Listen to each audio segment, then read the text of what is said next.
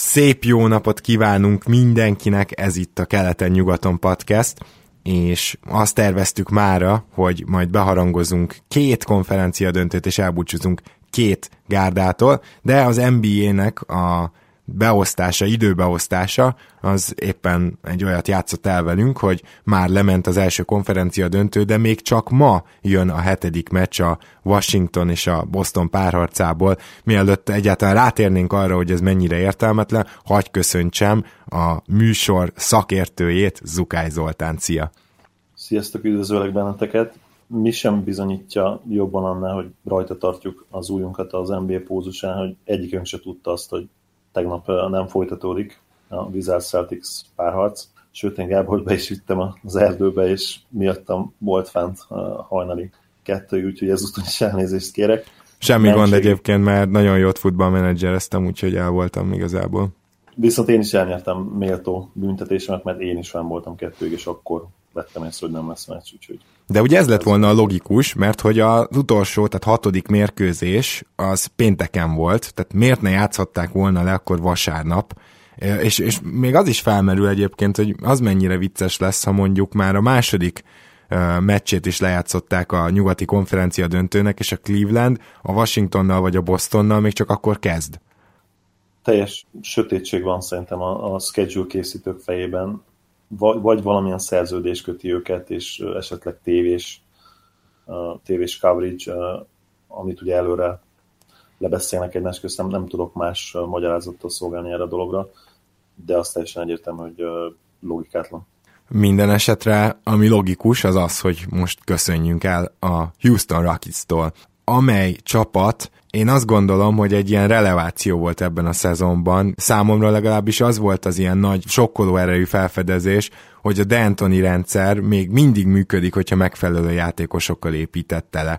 Mert hogy, mert hogy kicsit ugye én, mint uh, Seven Second or Less Suns rajongó, tehát a, a Nashville Sunsnak a rajongója, a hatalmas csalódással vettem tudomásul D'Antoni korábbi próbálkozásait. Hozzáteszem, hogy az az összevásárolt Lakers nem is volt túl szimpatikus, de ettől függetlenül azt gondoltam, hogy hát akkor azért ott jó játékosok vannak, csak hát ugye ott például Kobi klasszikusan nem illett ebbe a rendszerbe, és még sorolhatnánk, hogy ki nem. Mindenesetre már kezdtem elveszteni a hitemet abban, hogy D'Antoni rendszere még működhet-e az NBA-ben, mert ugye megtalálták rá a válaszokat nagyjából. Mégis az derült ki, hogy, hogy nem, és, és igazából Popovics és a Spurs kellett ahhoz, hogy rendesen válaszokat találjon, de még így is egy szoros 4-2-vel estek ki. De Antonival kapcsolatban én mindig egy kicsit uh, felemás érzésekkel viseltettem. Az SSOL Suns-t én is imádtam, aztán ugye a Knicksnél volt négy évig, ott viszonylagos sikereket ért el, ha jól emlékszem, kétszer-háromszor bejutottak talán a play de ott azért nem tudtak komoly eredményeket elérni. Aztán ugye jött a lakers le- leszereplés, az mindenképp meglepetés volt szerintem abból a szempontból, hogy ha visszagondolunk azelőtt a szezon előtt, amikor összeállt ugye a nagy négyes, minden szurkoló 70 győzelmet várt tőlük, és azt, hogy a Bulls rekordját is megközelítik. Mint tudjuk, ebből semmi nem lett. Részben nyilván Denton hibája volt, de azt gondolom, hogy tényleg egyszer nem illettek jól össze az egók, inkább azt mondanám, mert a játékstílusok egyébként szerintem ragyogóan összeillettek. Nash Dwighthoz kiváló fit volt. És Gasolhoz is, igen. Így van, és szerintem Bryant is egyébként Nash mellé jó fit lett volna, illetve az egók ütköztek olyan szempontból is, hogy mindenki kicsit olyan dolgot akar csinálni a pályán, ami nem feltétlenül emelte fel az ő csapattársát, hogyha tényleg a, a csapatrendszerben gondolkodunk. Például míg Nash tökéletesen kiegészítette volna Dwightot, addig Bryant már nem feltétlenül, és ugye Dwight szintén abból a szempontból hibás volt, hogy ugye róla tudjuk, hogy utál pick and, roll, pick and roll játszani, annak ellenére, hogy kiváló fegyver a pick and rollban, és igazából ott élne meg igazán az ő képességeivel. Mégis ő ezt a klasszikus center játékot erőlteti, és ott látja magát minőségi játékosként, ami persze egyáltalán nincs így, és ez volt egyébként az oka annak, hogy a, hogy a Rakicnél sem működött, amit ő csinált. Hát igen, tehát ő már fénykorában sem volt jó ilyen szempontból, tehát a, a legjobb idejében sem volt az neki az erősség, hogy posztap játékokat csináljon, ott is csak túl atletizálta valahogy esetleg a védőjét, és akkor beszenvedte a gyűrűbe, de azért lássuk be, hogy, hogy neki sosem volt finom keze ehhez. Nem, illetve nem volt meg a lóposz játékosa, és ezért is egyébként ezért is álltunk értetlenül amellett, hogy hogy Nessel való összjáték miért nem működött, ezért nem működött, mert Dwight túl makacs volt hozzá, és egyébként D'Antoni is valószínűleg hibázott abban, hogy nem tudta ráerőltetni ezt úgymond White-ra edzői szempontból. Persze mm. lehet, hogy White-ra nem lehet ráültetni így semmit. Na de, uh, D'Antoni is megszabadult Howardtól, és most már Houston is, tehát mind a két uh, szereplőnk megszabadult legalább egyszer Howardtól, és akkor elérkezett ugye ez a szezon, ahol mindenki, beleértve engem is, sőt én az élen voltam ezek között, akik azon aggódtak, hogy ez a csapat hogy fog tudni védekezni, mert azt lehetett látni, hogy itt NBA elit lehet a támadó egység, főleg, hogyha ez a Harden Nash szerepben bejön, de, de hogy hogy fognak tudni védekezni, és ilyen szempontból is szerintem meglepetés volt a Houston, mert hogy egyáltalán nem arról volt szó, hogy a liga utolsó 5-6 csapatában voltak védekezésben, hanem a, most nem tudok pontos számot, majd biztos meg tudom nézni, de abba biztos vagyok, hogy a középmezőny környéke tudott lenni ez a Houston, és ez volt az tulajdonképpen, ami egy nagyon jó alapszakaszig vitte őket, és akkor itt, itt pedig a másik probléma jött, hogy ahogy a korábban is a D'Antoni csapatokra jellemző volt, most is a másik félelem Houstonnal kapcsolatban az, hogy klasszik alap, alap ö, ö, szakasz csapat, csak kibírtam mondani, és ennek pedig ugye az volt a apropója, hogy ezt mondjuk, hogy egy általában jól támadó és kevésbé jól védekező, tehát itt azért a közepes is kevésbé jónak számít a playoffban, gárdát a playoffban meg tudnak állítani. És én azt gondolom, hogy még erre is rácáfolt a Houston. Ha visszatekintünk az alapszakaszra, akkor láthatjuk, hogy egész évben tulajdonképpen valahol liga, liga közepén helyezkedtek el, ami a védekező hatékonyságot illeti. Ha jól emlékszem, 17. hely környékén fejezték be az alapszakaszt, de, de mozogtak folyamatosan a talán még a tizedik és a 18. hely között is a szezonban, azt egyértelműen kijelentetjük, hogy ez nem volt egy borzasztóan védekező csapat. Nyilván az elit együttesektől, a Spurs-től, a Warriors-tól messze voltak, de azért volt annyira jó védekezésük, hogy a play-offban úgymond ilyen, ilyen support, supporting szerepben a támadásokat kiegészítve működni tudjon az egész. És én is azt gondolom, hogy működött. A Spurs elleni párharcban szerintem sokkal több volt, azt gondolom, ezt kijelenthetjük. Nené kiesése nyilvánvalóan nagy érvágás volt, és ennek ellenére is szerintem simán lehetett volna a hetedik meccs, és itt azt gondolom nem is túlzok, ugye a, ugye a legutolsó, a hatodik meccs az, az rendkívül szoros a sikeredett. Hát főleg, főleg ugye az ötödik meccs volt szoros, tehát hogy azért ott, ott mondhatjuk azt, hogy sok minden eldőlt. Az ötödik mert... meccs volt hosszabbításos? Igen, mert az ötödik meccs volt hosszabbításos. Ja, az, igen, akkor a kettőt, bocsánat. Minden esetre ott ugye, hogyha ott a Houston nyer, akkor azért nagy bajba lett volna a Spurs. Aztán ugye a hatodik mérkőzésen meg volt egy, hát egy elég rossz meccs James Hardennek, és most mielőtt még értékelnénk a Houston helyzetét, mert ugye a búcsúzkodásunk arról szól, hogy értékeljük, meg jövőbe tekintsünk, egy picit térjünk ki erre a témára, ugyanis a nagy NBA-s csoportban is volt több olyan poszt, és ez egyik alatt egy ilyen hatalmas vita is kialakult, hogy hát Harden hogy leszerepelt, nem igazi vezér, stb. Most ezt nyilván azért egy csalódott Drucker mondta, vagy legalábbis én ezt gondolom, tehát nem is, most nem is azért, hogy őt itt elővegyük, hanem egyszerűen csak reagáljunk magára a témára, hogy most Harden mit bizonyított ebben a playoffban, mert, mert én, én azt gondolom,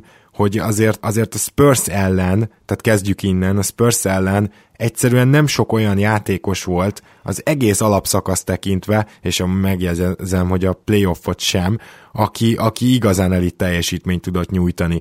Persze fel lehet hozni Mike Conley-t egyébként, aki fantasztikus teljesítmény nyújtott a Spurs ellen is, de azért amikor például a Spurs elhúzott 3-2-re, abban a negyedik negyedben ráküldték Kawhi Leonardot Conley-ra, és akkor Conley azt hiszem, hogy 10 percen áttán két pontot szerzett. Szóval mindent így kell szerintem nézni, hogy az adott matchupban, az adott párharcban mit tud valaki kihozni, és nem akarom teljesen felmenteni Hardent, de azért rengeteg olyan eleme volt ennek a Spurs Rockets párharcnak, ami miatt Hardennek nagyon nehéz dolga volt.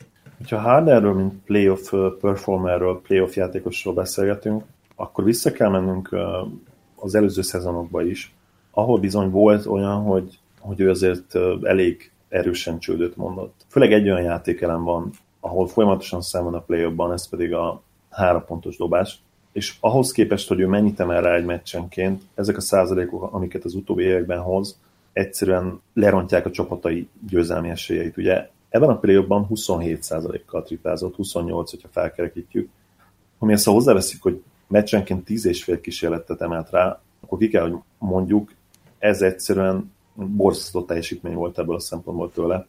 Tehát főleg ez az, ami miért amiért a hatékonysági mutatója is visszaesett a rájátszásba, mert ő ellentétben mondjuk Demar DeRozannal ugyanúgy el tud jutni a rájátszásba is ezért a vonalra. Tehát ugye, ami egy másik hatékony játék, és az egész uh, Houston erre épül, hogy vagy büntetőz, vagy zicserez, vagy uh, triplát dobj, és uh, Harden igazából a triplákba visszaesett, a többiben nem, de összességében a hatékonysága ezért nem közelítette meg az alapszakaszban látott über hatékony játékát. Így van, illetve Spurs ellen kiütközött az is, ami a Popovics csapatok egyik legnagyobb is, ismérve, és ugyanakkor erőssége is, hogy ők nem nagyon faltolnak. Míg az előző párharc során az OKC ellen Harden átlagosan 14-szer, 14,6, tehát 15-ször állt oda a vonalra, addig ebben a szériában ez meccsenként mindössze 7-szer sikerült. A Spurs messze nem faltolta őt annyit, mint az OKC, kombinálva azzal, hogy a tripla vonalon túról sem tudott hatékony lenni, illetve rendkívül sok eladott labda is volt, ugye meccsenként 5,2, gyakorlatilag uh, megásta a Rockets sírját. Hogy, hogy ez mennyire csak Harden hibája, nyilván ezen lehet vitatkozni. Én szerintem is kezdeném erről a vitát, hogyha megengeded, mert hogy én azt gondolom, hogy most csak-csak a hármasokat is nézzük meg. Tehát ugye egy olyan rendszerben, amiben egy játékosra húzott fel a gyakorlatilag az egész csapatot és a játék, támadásban a játékrendszeredet, egy kicsit védekezésbe is, mert ugye őt kell bújtatni, de ezt most hagyjuk, akkor ugye az a franchise player, neki a triplázása teljesen máshogy kell nézni. Ugyanis az ő kezében van a labda, ugye ő a pick and roll-nál a, az alacsonyabb, vagy legalábbis a kezdeményező játékos, akkor mondjuk így, és, és amikor mondjuk ő triplát dob, az a legritkább esetben az, hogy ő elindítja a játékot, körbeér a labda, és aztán visszaér hozzá. Tehát ez nagyon ritka. Egyébként tegyük hozzá, hogy például, és sok lesz ugye az analógia Steve nash de Nash is érdekes módon mindig ezeket dobta el hármasban. Ugye nash mindig egy dolog miatt kritizálták, hogy ő neki sokkal több hármast kéne dobnia, mert annyira jó keze van, és ebben egyébként utólag is egyetértek. Harden ugye nem ilyen volt, hogy csak ezeket az üres triplákat dobta el, már az alapszakaszban sem, és a playoffra sem ez volt jellemző, hanem ő, mint franchise player, illetve a pick and a kezdeményezője, több több pull-up hármast is vállalt, kicsit így fenntartva ezt a mostani trendet, amit csinálnak Curry, Curry, Laurie Lillard, akikről meg szoktunk emlékezni ez ügyben és, és bizony ő messze nem olyan jó dobó, mint az említettek. Talán azért Lilárddal már majdnem felveszi a versenyt, de összességében ő ezeket a pull-up hármasokat nem dobja olyan hatékonysággal, és van egy harmadik típusú pontos, amit egy ilyen játékos csinál, az pedig gyakorlatilag az egy-egyezés után. Ezek is általában ugye pull-up triplák, és, és nagyon gyakran ugye ezek azok, amik ilyen utolsó másodpercesek, és akkor odaadjuk a vezérnek a labdát, hogy csináljon valamit. Na most a playoffban egyszerűen a Spurs teljesen elvette azt, hogy ez a labda visszaérjen Hardenhez esetleg, és úgy dobjon. Tehát gyakorlatilag csak az másik két kategóriából láttunk tőle triplát. És hogy ez miért érdekes? Hát azért érdekes, jó lehet, hogy egy-két transition tree is volt, mert ezért nem csodálkozom azon, hogy Hardennek vissza esett a tripla mutatója. Én azt gondolom, hogy a Spurs védekezése arról szólt, hogy Hardenre csak egy embert rakok rá, nem duplázom, nem triplázom a betöréseknél, Green vagy Lenart fogja, és a többieket próbáljuk meg olyan szempontból, hogy a passávokat ugye lefogjuk, többieket próbáljuk ellehetetleníteni, és összességében szerintem ez a terv ugye a harmadik meccstől működött. Én is hasonló láttam a Spurs, Spurs védekezését ebben a párharcban. Pontosan tudták, hogy mit akarnak csinálni, és tökéletesen véghez is vitték.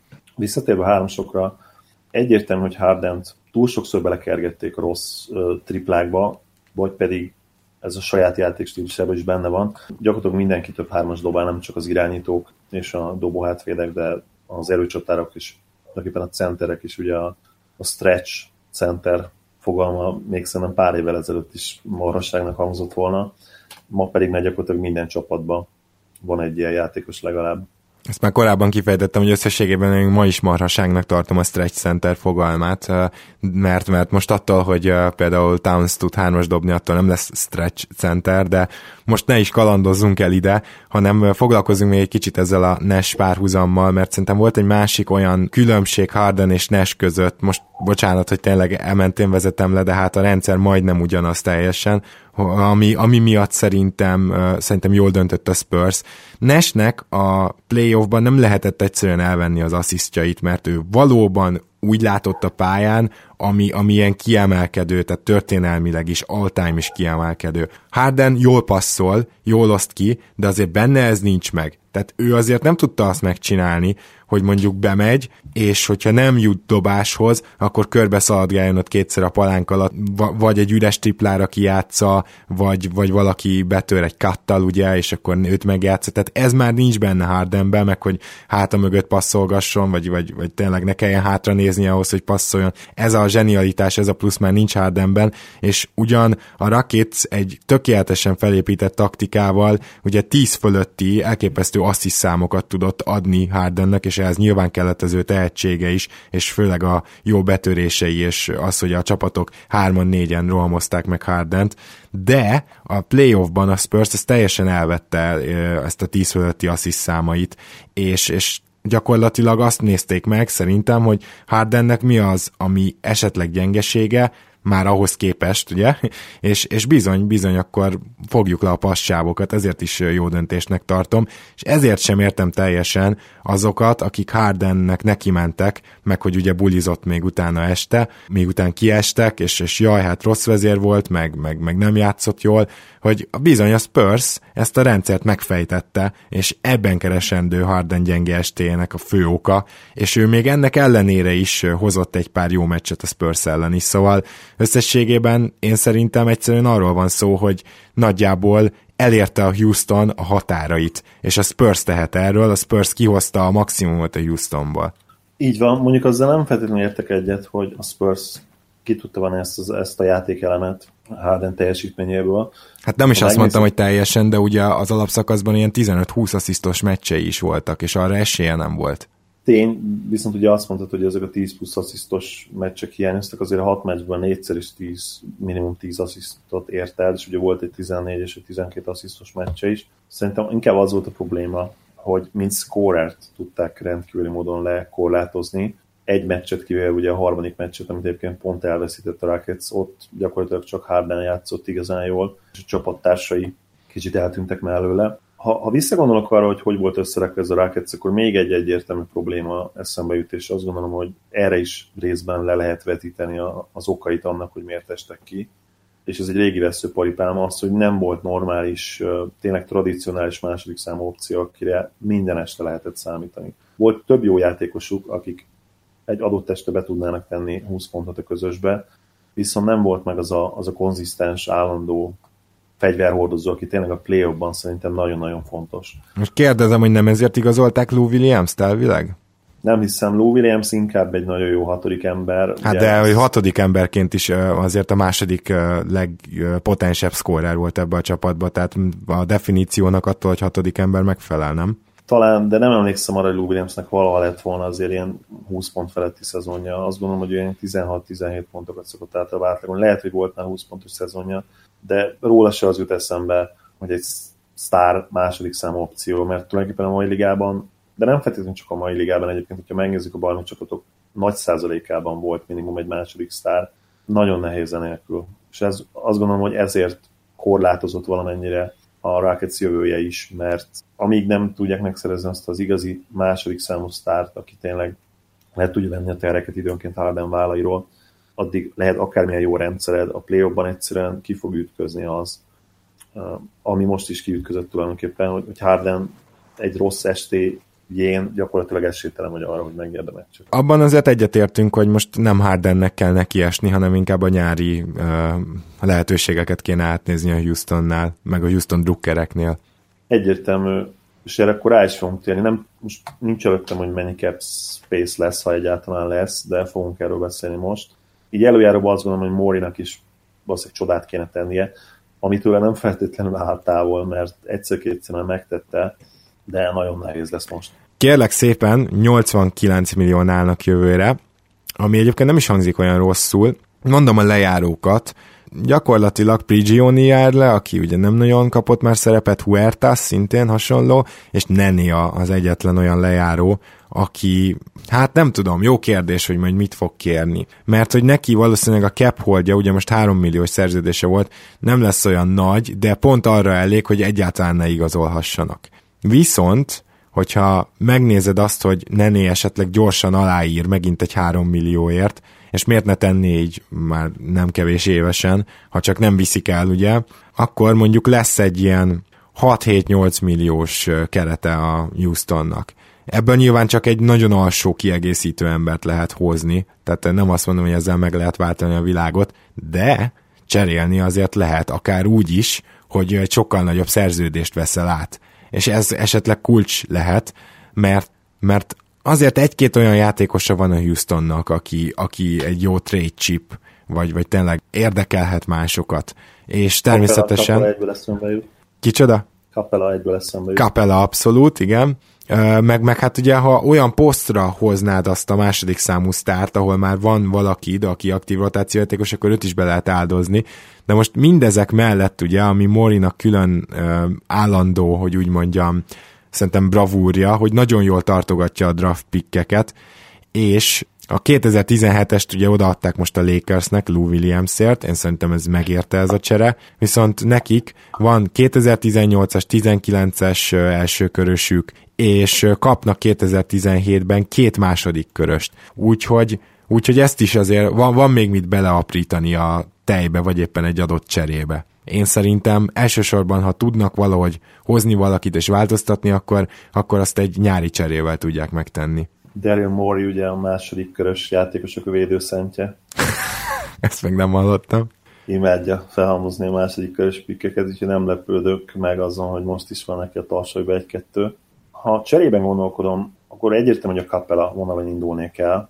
Ő egyrészt egy nagyon-nagyon tehetséges fiatal játékos, mozgékony, jó védő, és talán támadásban sem teljesen fogalmatlan, és hát egészen elképesztő jó szerződése, ugye idén 1,2 milliót keresett, jövőre ez 2,3 millióra fog nőni, és aztán, ha minden igaz, még nem tudom, hogy a zölden bílódzó számok, illetve nem bílódznak, hanem csak zöldelnek. Ez a qualifying offer. Tehát az azt jelenti, hogy akkor, akkor kapja meg majd ezt a qualifying offer de nyilvánvaló akkor már nagy szerződést kell vele kötni. Amúgy azt jelenti, hogy akkor még jövőre van szerződése, és azt gondolom, hogy őt gyakorlatilag bármelyik csapat érdekelné. Itt a kérdés nyilván Mármint, hogy bármelyik csapat érdekel, csapatot érdekelné Capella. Itt a kérdés nyilván az, hogy láttak-e annyit Onuakuba, hogy mondjuk ő legyen a következő Clint Capella, vagy esetleg Herelben. Hogyha, hogyha így gondolják, akkor Capellát és mondjuk Deckerrel össze rakom, aki szintén azért tehetséges fiatal, vagy esetleg még egy Patrick Beverly-ben is gondolkodom, akinek szintén kiváló szerződéset amit ő csinál 6 millióért, sőt idén azt hiszem, hogy 6 milliós csökkenő szerződés van, ami Röhely jövőre 5,5 milliót fog keresni. Egészen jó trédcsipő is. Mondjuk mellé rakok még egy első köröst. Talán szerinted ez elég lehet mondjuk adott esetben már egy Paul George vagy egy ilyen típusú játék. Mármint, hogy természetesen Arizát is belerakod akkor, mert hogy ő van George posztján, és akkor így, tehát Ariza, Decker, Capella és egy első körös. Én szerintem ez egy elég erős csomag. Azt gondolom én is, bár nyilván azért a Pacers, ha, ha lehetséges, akkor egy egyértelműen már kiforrott és mégis nagy potenciállal rendelkező fiatalt választana, vagy pedig egy nagyon-nagyon erős draft picket. Tehát mondjuk a Boston kezében lévő 2018-as Nets pickről beszélünk. Például igen. Viszont ha szorul, elkezd szorulni a nyakukon a hurok, és közeledik a trade deadline, és egyértelművé válik, hogy George bizony nem fog aláírni Indiánában, akkor el tudom képzelni, hogy hogy egy ilyen trade-be belemennének, és Moriról pedig tudjuk, hogy ő aztán rajta lesz a telefonokon, rajta fog csüngeni a telefonon. És sokkal jellemzőbb is lenne egyébként a Houstonra az, hogy egy ilyen cserébe valahogy bele tudnak, oda tudnak tolakodni és belemennek, mint az, hogy ők most kitakarítanak egyet, és akkor nyáron hozzájuk igazol valami Star Free Agent, mert, mert hogy erre is volt példa azért Howarddal, meg ugye akkor Parsons nem sikerült megtartani, pedig akkor még Starkának számított, de Howard is már igazából abban az időszakban ment el Houstonba, és ezt ki kell, hogy mondjuk így utólag, pedig akkor is már sokan aggódtak, amikor, amikor már lefele szállt. Nem biztos, hogy a Houston még mindig nem biztos, hogy akkor a vonzerőt jelent. Az más kérdés, hogy azért ebbe a D'Antoni rendszerbe és Harden mellett lehet, hogy inkább játszanának az emberek, mint mondjuk Westbrook mellett. Mert hogy azért itt ez sokkal gyorsabb, mint, a, az Oklahoma, mint amit az Oklahoma City játszik. Itt azért jut a többieknek bőven, és hogyha jó triplázóba vagy, vagy pedig, hát gyakorlatilag majdnem minden képességedet ki tudod használni, mert ugye kell egy second ball handler is, ahogy te is mondtad, tehát egy, egy Paul George azért tökéletes lehetne. Arról nem is beszélve, hogy ha csak visszaemlékszünk Sean Marion szerepére a Sunsban, azt a szerepet egy az egyben Paul George-ra írták, mert Marionot bőven leíthette a labdát, meg ő azért bement zsákolgatni, egy az egyeket is csinált. George abban még hatékonyabb lenne talán, mint Marion, szóval, szóval meg lenne a helye. Én is azt gondolom, hogyha Paul George szemszögéből próbáljuk nézni a mostani piacot, biztos vagyok abban, hogy ő szívesebben menne el a Houstonba, mint Oklahoma-ba, és itt nem feltétlenül csak Westbrook szerepe vetődik fel, illetve az ő játékstílusa, hanem az is, hogy Houston azért egy viszonylagosan nagy piac. Azt hiszem, hogy top 10-ben vannak, és azért ez is szempont lehet. És nekem úgy tűnik, hogy a 90-es évekből megmaradt kosárlabda láz az még mindig ott ég, ha nem is annyira hevesen, mint annó Dreamiek csapatával azért ott van, jelen van. Illetve az is segíthet a Rocketsnak ebből a szempontból, hogy gyakorlatilag nincs olyan elit csapat a ligában, amelyiknek komoly cap space lesz. Tehát nincsenek lemaradva ebből a szempontból. Sőt, Azt... sőt, ugye nekik egyáltalán van cap space az már kuriózumnak fog számítani. Pontosan, és ez elég lehet ahhoz, hogy megszerezzenek egy olyan játékost is akár, mint Paul George, mert a Pacersnél tényleg, amit említettem az előbb, ott szorulni fog a hurok előbb-utóbb, és inkább előbb, mint utóbb. Azt gondolom, hogy az új GM neki is rá kell arra döbbenni, hogy George bizony nem fog maradni. Minden jel erre utalt az előző szezonban is, már az előző szezonban is egyébként a 2015-16-os szezonban véleményem szerint, és ha akkor ez nem lett volna egyértelmű, akkor ebben a szezonban végleg egyértelművé vált. És akkor, hogyha összesítésben kellene megvizsgálnunk a Houston-t, akkor ezzel kimondhatjuk, nem? Hogy ez a csapat jó úton halad, ezt a csapatot még, még most sem lehet olyan szinten eltemetni, hogy van még mozgásterük, legalább egy kevés, illetve nagyon jó szerződéseik vannak, amik továbbra is nagyon jó eszetek. Tehát Mórinak azért a, az építkezése az, az a megszokott ütemben halad, és azt kell, hogy mondjuk, hogy ő továbbra sem nagyon köt rossz szerződéseket, úgyhogy a másik pedig, hogy azt is beszéltük, hogy Houston azért nagyon sokat kihozott ebből a szezonból. Szerintem nem volt feltétlenül reális elvárás, hogy tovább menjenek a konferencia döntőkbe, arról nem is beszél, hogy minek, mert ott jött volna a Golden State, de én, én ha Houston Drucker lennék, akkor abszolút vidám lennék ezután a szezon után, sőt, igazából még van némi annyi mozgástér, hogy reménykednék egy ilyen Paul George féle cserében. Úgyhogy azért itt pozitív képet tudunk festeni erről a csapatról. Egyetértesz?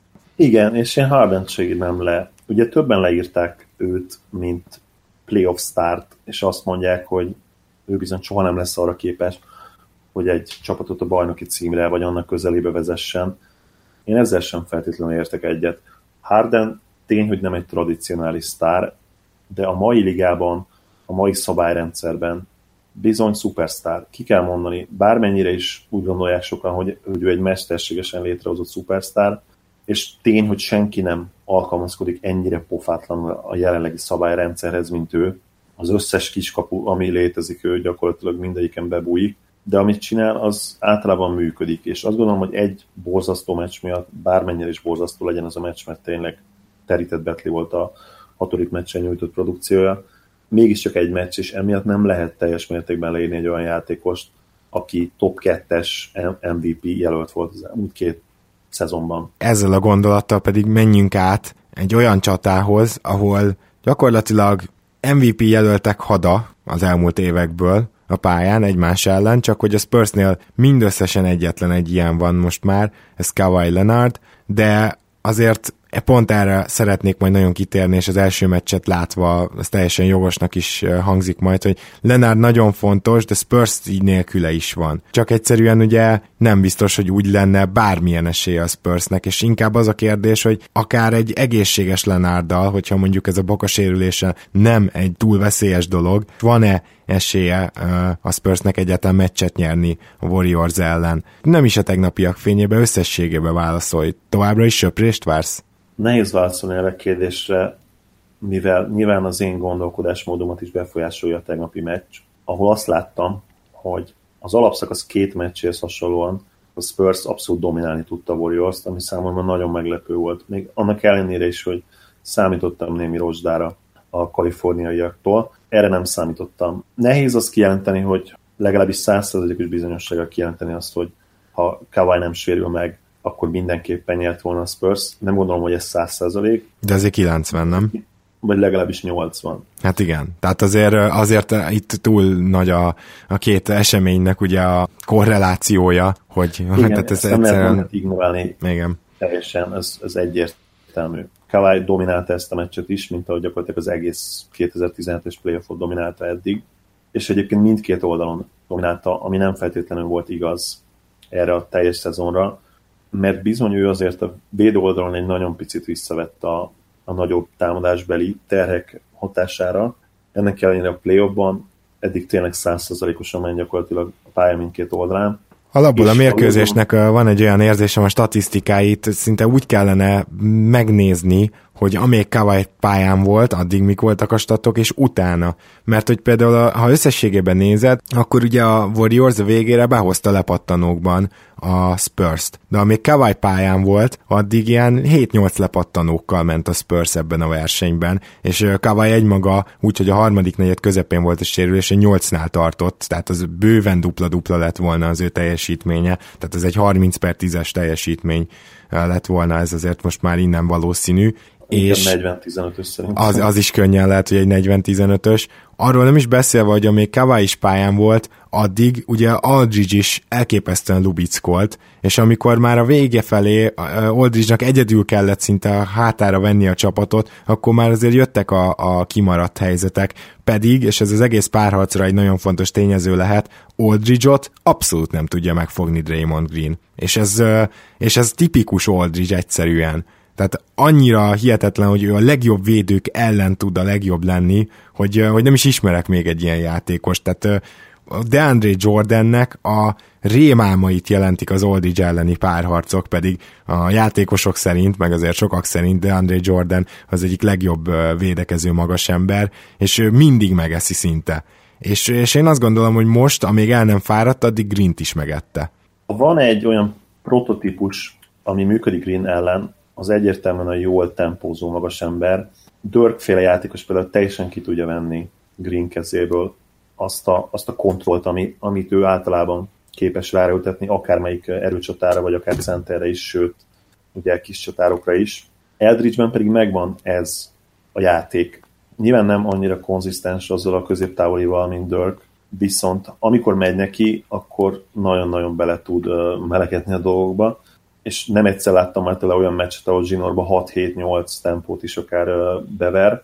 Tegnap egyébként nem dobott annyira jól, főleg a meccs második fél idejében, és azt gondolom, hogy voltak üres helyzetei akkor is, egyszerűen kifogyott a szufla. Ha van vitatatlan kritika, amit megfogalmazhatunk Eldridge-el szemben, azt szerintem mindenképp az, hogy az ő kondicionál, kondicionáltsága nem százszázalékos jelenleg, és ez már tavaly is így volt. Nem azt mondom, hogy kövér, mert nyilván sajnos rajtam jelen például több súlyfelesleg van egyértelműen, mint rajta, viszont NBA mértékkel az NBA játékosokhoz, az élsportolókhoz viszonyítva, hát bizony van azért rajta szerintem egy 5-6-7 kiló, amit elképzelhető le kellene dobnia. Ezzel egyébként lehet, hogy picit kevésbé lenne domináns az ilyen low szituációkban, bár azt gondolom, hogy talán most se annyira domináns már, plusz, plusz az a probléma vele kapcsolatban, hogy egyáltalán nem konzisztens. Tehát most is ugye, amit láttunk tegnap, fel tudta venni a mély pozíciót több támadásnál is, és simán megoldotta ezeket a szituációkat, aztán valahogy eltűntek ezek a játékából, már nem brusztolt annyira, már nem seggelte be úgy, úgy Green-t vagy Pachuliát, mikor épp ki volt rajta,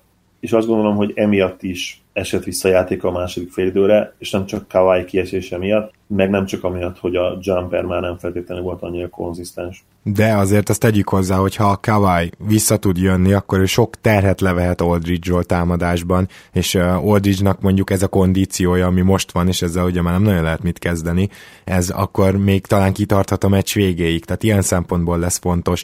Illetve még az első időszakhoz, hiszen arról beszéltünk eddig, amíg Leonard nem sérült meg, hogy miért is ment annyival a Spurs. Nos, ezért itt nem arról volt szó simán, hogy nem nagyon találta a dobását a Warriors, sőt, egyébként Curry szépen bedobálgatta a üreseket, hanem volt egy szerintem egészen fantasztikus vonala a Spurs védekezésének, ez pedig az volt, hogy a Curry kezdeményezte támadásokat, nagyon-nagyon megpróbálták elvenni. Ez azt kellett először is, hogy a Warriors ne rohanjon, és a Warriors nem nagyon tudott rohanni, ugyanis a Spurs alig adott el addig labdát.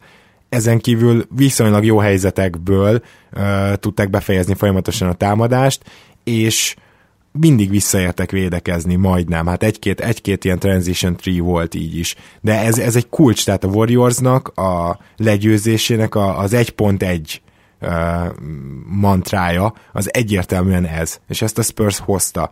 A másik pedig, hogy, uh, hogy amikor védekezésben már felálltak, akkor Currynek a pozícióit, amiből szokott indulni, megpróbálták elvenni, ugyanis ne feledkezzünk meg, és szeretném kiemelni az egész rájátszásba Danny Green-t, hogy micsoda védő ez az ember. És amikor mellé így dob, mint ebben a rájátszásban, így dobja a triplát, akkor, akkor hova emelkedik? Tehát mondjuk úgy, hogy a kettesek ranglétrájában, amikor Danny Green így dob, akkor, akkor egy Chris Middleton vagy egy Clay Thompson szintjét éri el gyakorlatilag, mert hogy Clay Thompson sem nagyon üti le a labdát, jó, Middletonnal előfordul, de amikor ilyen szinten dob és védekezik, akkor, akkor egészen elitjátékos válik belőle. Azt persze megkérdezhetnénk, hogy miért nem tudja ezt éveken át hozni, de a mostani Danny Green az az egész, az az egész playoff runnak a kulcsa szerintem a Spursnél. A másik ilyen nagy kulcs, ugye Lenard védekezése, mert hogy most aztán van kit fognia. Tehát, hogy nagyon fontos az, hogy, hogy Durant, amikor Lenard megsérült, akkor utána nem is tudom, egy húzamban hány pontot dobott be. Senki nem tudta megfogni őt a Spursből. Popovics már így kínjában ilyen Kyle Anderson, tehát az volt a legnagyobb vicces jelenet a, a harmadik negyed végén, azt hiszem, amikor Anderson megpróbált védekezni Duranttal szemben, hát az a kategóriák, amik kettőjük között vannak gyorsaságban, hát nevetséges volt tényleg. Ennek a két embernek a védekezését is valahogy maximalizálni tudja a Spurs, Danny Green ugye szinte folyamatosan körri elő próbálja elvenni a pick and roll lehetőségeket már a, a feláltámadásnak, tehát hogy ne is jussanak el oda, illetve Kawai pedig megpróbálja lassítani Durantet és Clay thompson is többen megtalálták tegnap a csoportban, hogy mennyire rossz meccse volt, egyetértek, sőt, rossz playoffja is van, de tegyük hozzá, hogy az mindig is segítette Clay thompson hogyha Curry pick and roll indul egy Warriors támadás, ugyanis utána általában Curry annyi figyelmet vonz maga köré, és még utána is, amikor ő ki sétál a leadott labda után a tripla vonalhoz, akkor sem lehet ugye egyedül hagyni, hogy ez Claynek töménytelen mennyiségű helyzetet teremt, mégpedig üres triplát, amiket, amiket bedob vagy pedig üres dobó helyzetet. És mivel ezt a Spurs is elvette, és szerintem a Golden State sem erőltettek előképpen a Curry pick and roll-t, ezért Clay Thompsonnak is sokkal kevesebb helyzete volt. Azon kívül, hogy rosszul játszott, azon kívül a Spurs védekezési terve tökéletesen működött. Abban a szempontból mindenképp, hogy Curry kezéből ki tudták venni a labdát.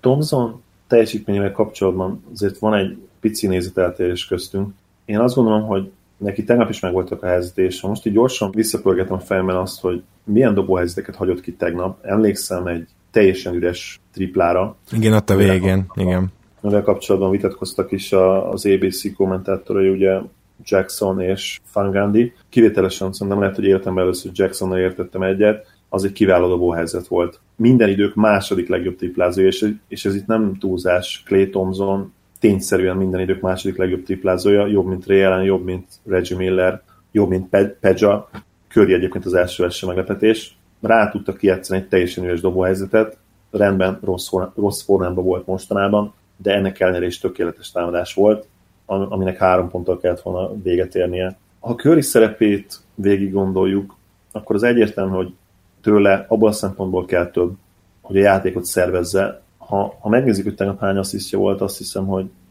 Hát sokáig nulla, arra emlékszem, tehát még a harmadik négy közepén is nullán állt. Igen, három asszisztal fejezte be, fejezte be a meccset, és négy labdaeladással, ami tőle azért nem jó. Persze ennek ellenére is ki kell mondanunk, hogy kiváló meccset zárt. 26 dobással 40 pontot elérni azért az nem kis miska. Danny Greenre visszatérve, hogy miért nem tudja ezt stabilan csinálni éveken keresztül, azt gondolom, hogy ezt ebben a play is bebizonyítja, hogy miért nem, mert egyszerűen rohadtul inkonzisztens. Ugye számodra kicsit megszépítette az ő játékát az elmúlt néhány meccs. Az első körben pocsékul dobta a triplát, 29%-kal dobott a Memphis ellen. Hoppá. És a második körben is még azért 40% alatt volt, 39% ami mondjuk azért már kiváló tőle, és ugye tegnap megint kettőt bevert háromból, viszont ahol nem érheti szó ház elejét green kapcsolatban az egyetemen a védekezés. És azt is gondolom továbbá, hogy Pop azért megpróbálhatna, megpróbálhatna több játékot hívni a Green triplára. Mindig az az érzésem, hogy kicsit ezek ilyen nem tudatos támadások, hogy épp, épp üresre játsza magát, ha keresztül tud szaladni egy záráson, meg tud kerülni egy zárást, akkor oda tud érni, fel tud kanyarodni egy triplára, de, de kevés meg mindig. Természetesen azt nem lehet tőle elvárni, hogy ő magának kreálja meg a helyzeteket, ugye abszolút nem erről szól a játéka. Pocsék labda, kezelő labda vezető, viszont tényleg neki nem tesz jót az, hogy a jelenlegi Spurs rendszer az kicsit ilyen izó. Ha, ha jól emlékszem, azért ő 2014-ben, 2013-ban neki voltak azért 20 pont körüli meccsei, ami gyakorlatilag az idei szezonban teljesen ritka, ritkaság száma megy, és lehet, hogy nem is nem történt meg egyszer-kétszer maximum. Még annyit egyébként itt a Spurs nagyon érdekes volt számomra az első negyed, amikor már kialakították hogy a különbséget, hogy a Spurs előhúzta a kezdésnek a Warriors ellen a, a 2014-es passzolós játékát, és az első negyedben gyakorlatilag Lenárdot beállították saroktriplázni, amit 2014-ben is csinált, illetve nyilván aztán ment le pattanókért, stb., de nagyon hasonlított még ebben is abba, arra a bizonyos játékra, és és azzal nagyon-nagyon hatékonyak tudtak lenni, és aztán a második negyedtől kezdve ment az ISO aldridge illetve Lenárdal, amiben megint csak nagyon hatékonyak tudtak lenni, tehát a Spurs itt megmutatta a fegyvereit szerintem az első meccsen, és ezek működtek is. És szenzációsnak tartom a Warriorsnak a, a ilyen mélységekből való feljövetelét, és nyilván bár nagyon faktor volt benne, hogy, hogy nem volt Durantra ember többet, illetve egy kiváló védő kiesett a Spursnél, Lenardnál, sőt, ugye támadásban is faktor volt, ezt beszéltünk arról, hogy Oldridge elfáradt, és más meg nem igazán volt. Ginobili még hozzátette, amit tudott, de azért, hogyha Lenard esetleg visszajön a második meccstől, akkor, akkor te nagyon lehetetlennek tartanád azt, hogy a Spurs megszorítsa ezt a Warriors-t, mert amit itt láttunk az első meccsen, addig az alapján az alapján azért bőven benne van a pakliban, hogy ez még szoros is lehet ez a párharc. Sőt, az alapszakasz csak alapján is benne van. Ha jól emlékszem, talán három meccset nyert a Spurs, és egyet a Warriors, vagy lehet, hogy kettő-kettő volt, de azt tudom, hogy, hogy egyszer nagyon megverte a Spurs a Warriors az első meccsen, illetve volt még egy meccs, ahol 20 ponttal is vezettek, és ha jól emlékszem, onnan fordította meg a Golden State. Illetve volt egy ilyen C csapatok meccse, ahol mindenki pihentette a sztárjait, és azt is a Spurs nyerte, abban biztos vagyok. Igen, és nem is kicsivel, ami mondjuk nem meglepő egyébként, mert ha van csapat, amelyikből kivehetnéd a sztárokat, és ennek ellenére jó csapat maradnának, az a Spurs. Ezért is van problémám azokkal az emberekkel, akik úgy érvelnek Kawai MVP címe mellett, hogy ténylegesen a, az MVP rövidítés szó szerint értelmezését használják, mert Kawai egyszerűen egy Spurs rendszerben nem lehet a legértékesebb. Illetve a legértékesebb lehet, de nem lehet értékesebb annál, mint egy LeBron például a Cavs rendszerben, vagy akár egy Curry Warriors rendszerben. Mert ha van csapat, ahonnan kivehetsz egy fogaskereket, és mégis kiváló marad a gép, az pont tényleg a Spurs. Viszont most ez egy valós veszély, és hogyha a Lenard nem jön vissza, akkor a Warriors ellen azért már nem lesz esélyük, ezt azért kijelenthetjük. Az a baj, hogy Popovicsot tényleg nagyon-nagyon ritkán söprik ki a playoffból, és egyszerűen kijelenteni azt, hogy őt minden valószínűség szerint ki fogják söpölni most, nagyon, nagyon nagy bátorságra vallana.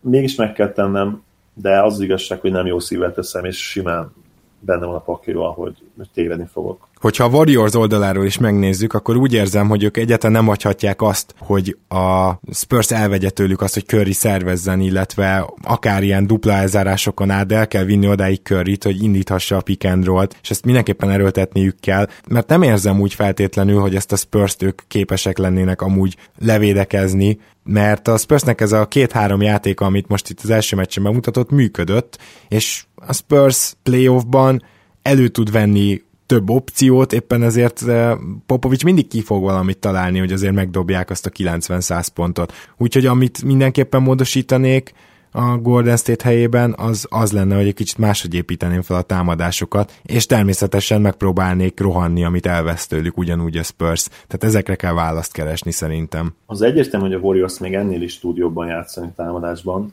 viszont én kicsit megfordítanám, és én védekezésben egyértelműen többet várnék tőlük. Illetve, hogyha kiderül, hogy nem képesek ennél a védekezésben többre, és a Spursnek ezek az alapjátékai ennyire működnek majd a párhoz további részében, akkor az hiszem, hogy a Warriors szurkolók már előre elkezdhetnek izzadni, még akkor is, hogyha tovább jutnak, mert a Cavs az ehhez az idei Spurshoz képest annyival jobb támadásban és annyival többféle játékot tudnak játszani, hogyha a védekezés ilyen szinten marad a Warriorsnál, és ha belecsúsznak azokba a hibákba, amelyek miatt szerintem elveszítették a tavalyi bajnoki címüket, akkor bizony fel kell kötni a gatyót a döntőre, mert tényleg a Cavs egy egészen brutális támadó gépezet az idei szezonban. Hát akkor én is tippelek itt a végére egyet. Én szerintem ez 4-2-es Warriors siker, és én szerint, most még nem nagyon látok híreket Lenárdal kapcsolatban, amik ko- konkrétak, de mivel azért a saját lábán hagyta el a parkettet, ezért én azt feltételezem most innen hétfő délután, hogy,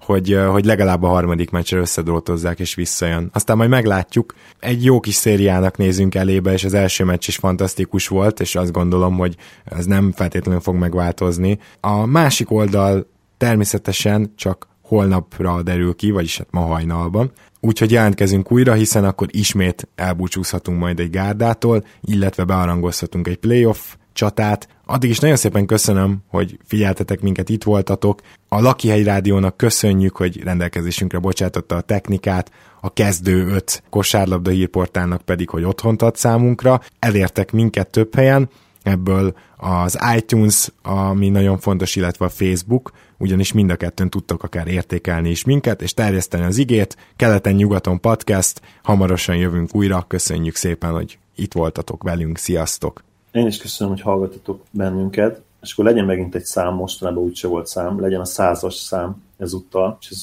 Gábor százszerzalékos türelmére utal, mert bevallom, hogy a mai nap folyamán néhányszor kicsit beakadt a lemez, de remélhetőleg ebből nem sokat fogtok hallani, mert az ő ügyes kezei által lesz megvágva az adás. Köszönöm még egyszer, hogy itt voltatok, sziasztok! Ha más podcastekre is kíváncsi vagy, hallgassd meg a Béton műsor ajánlóját.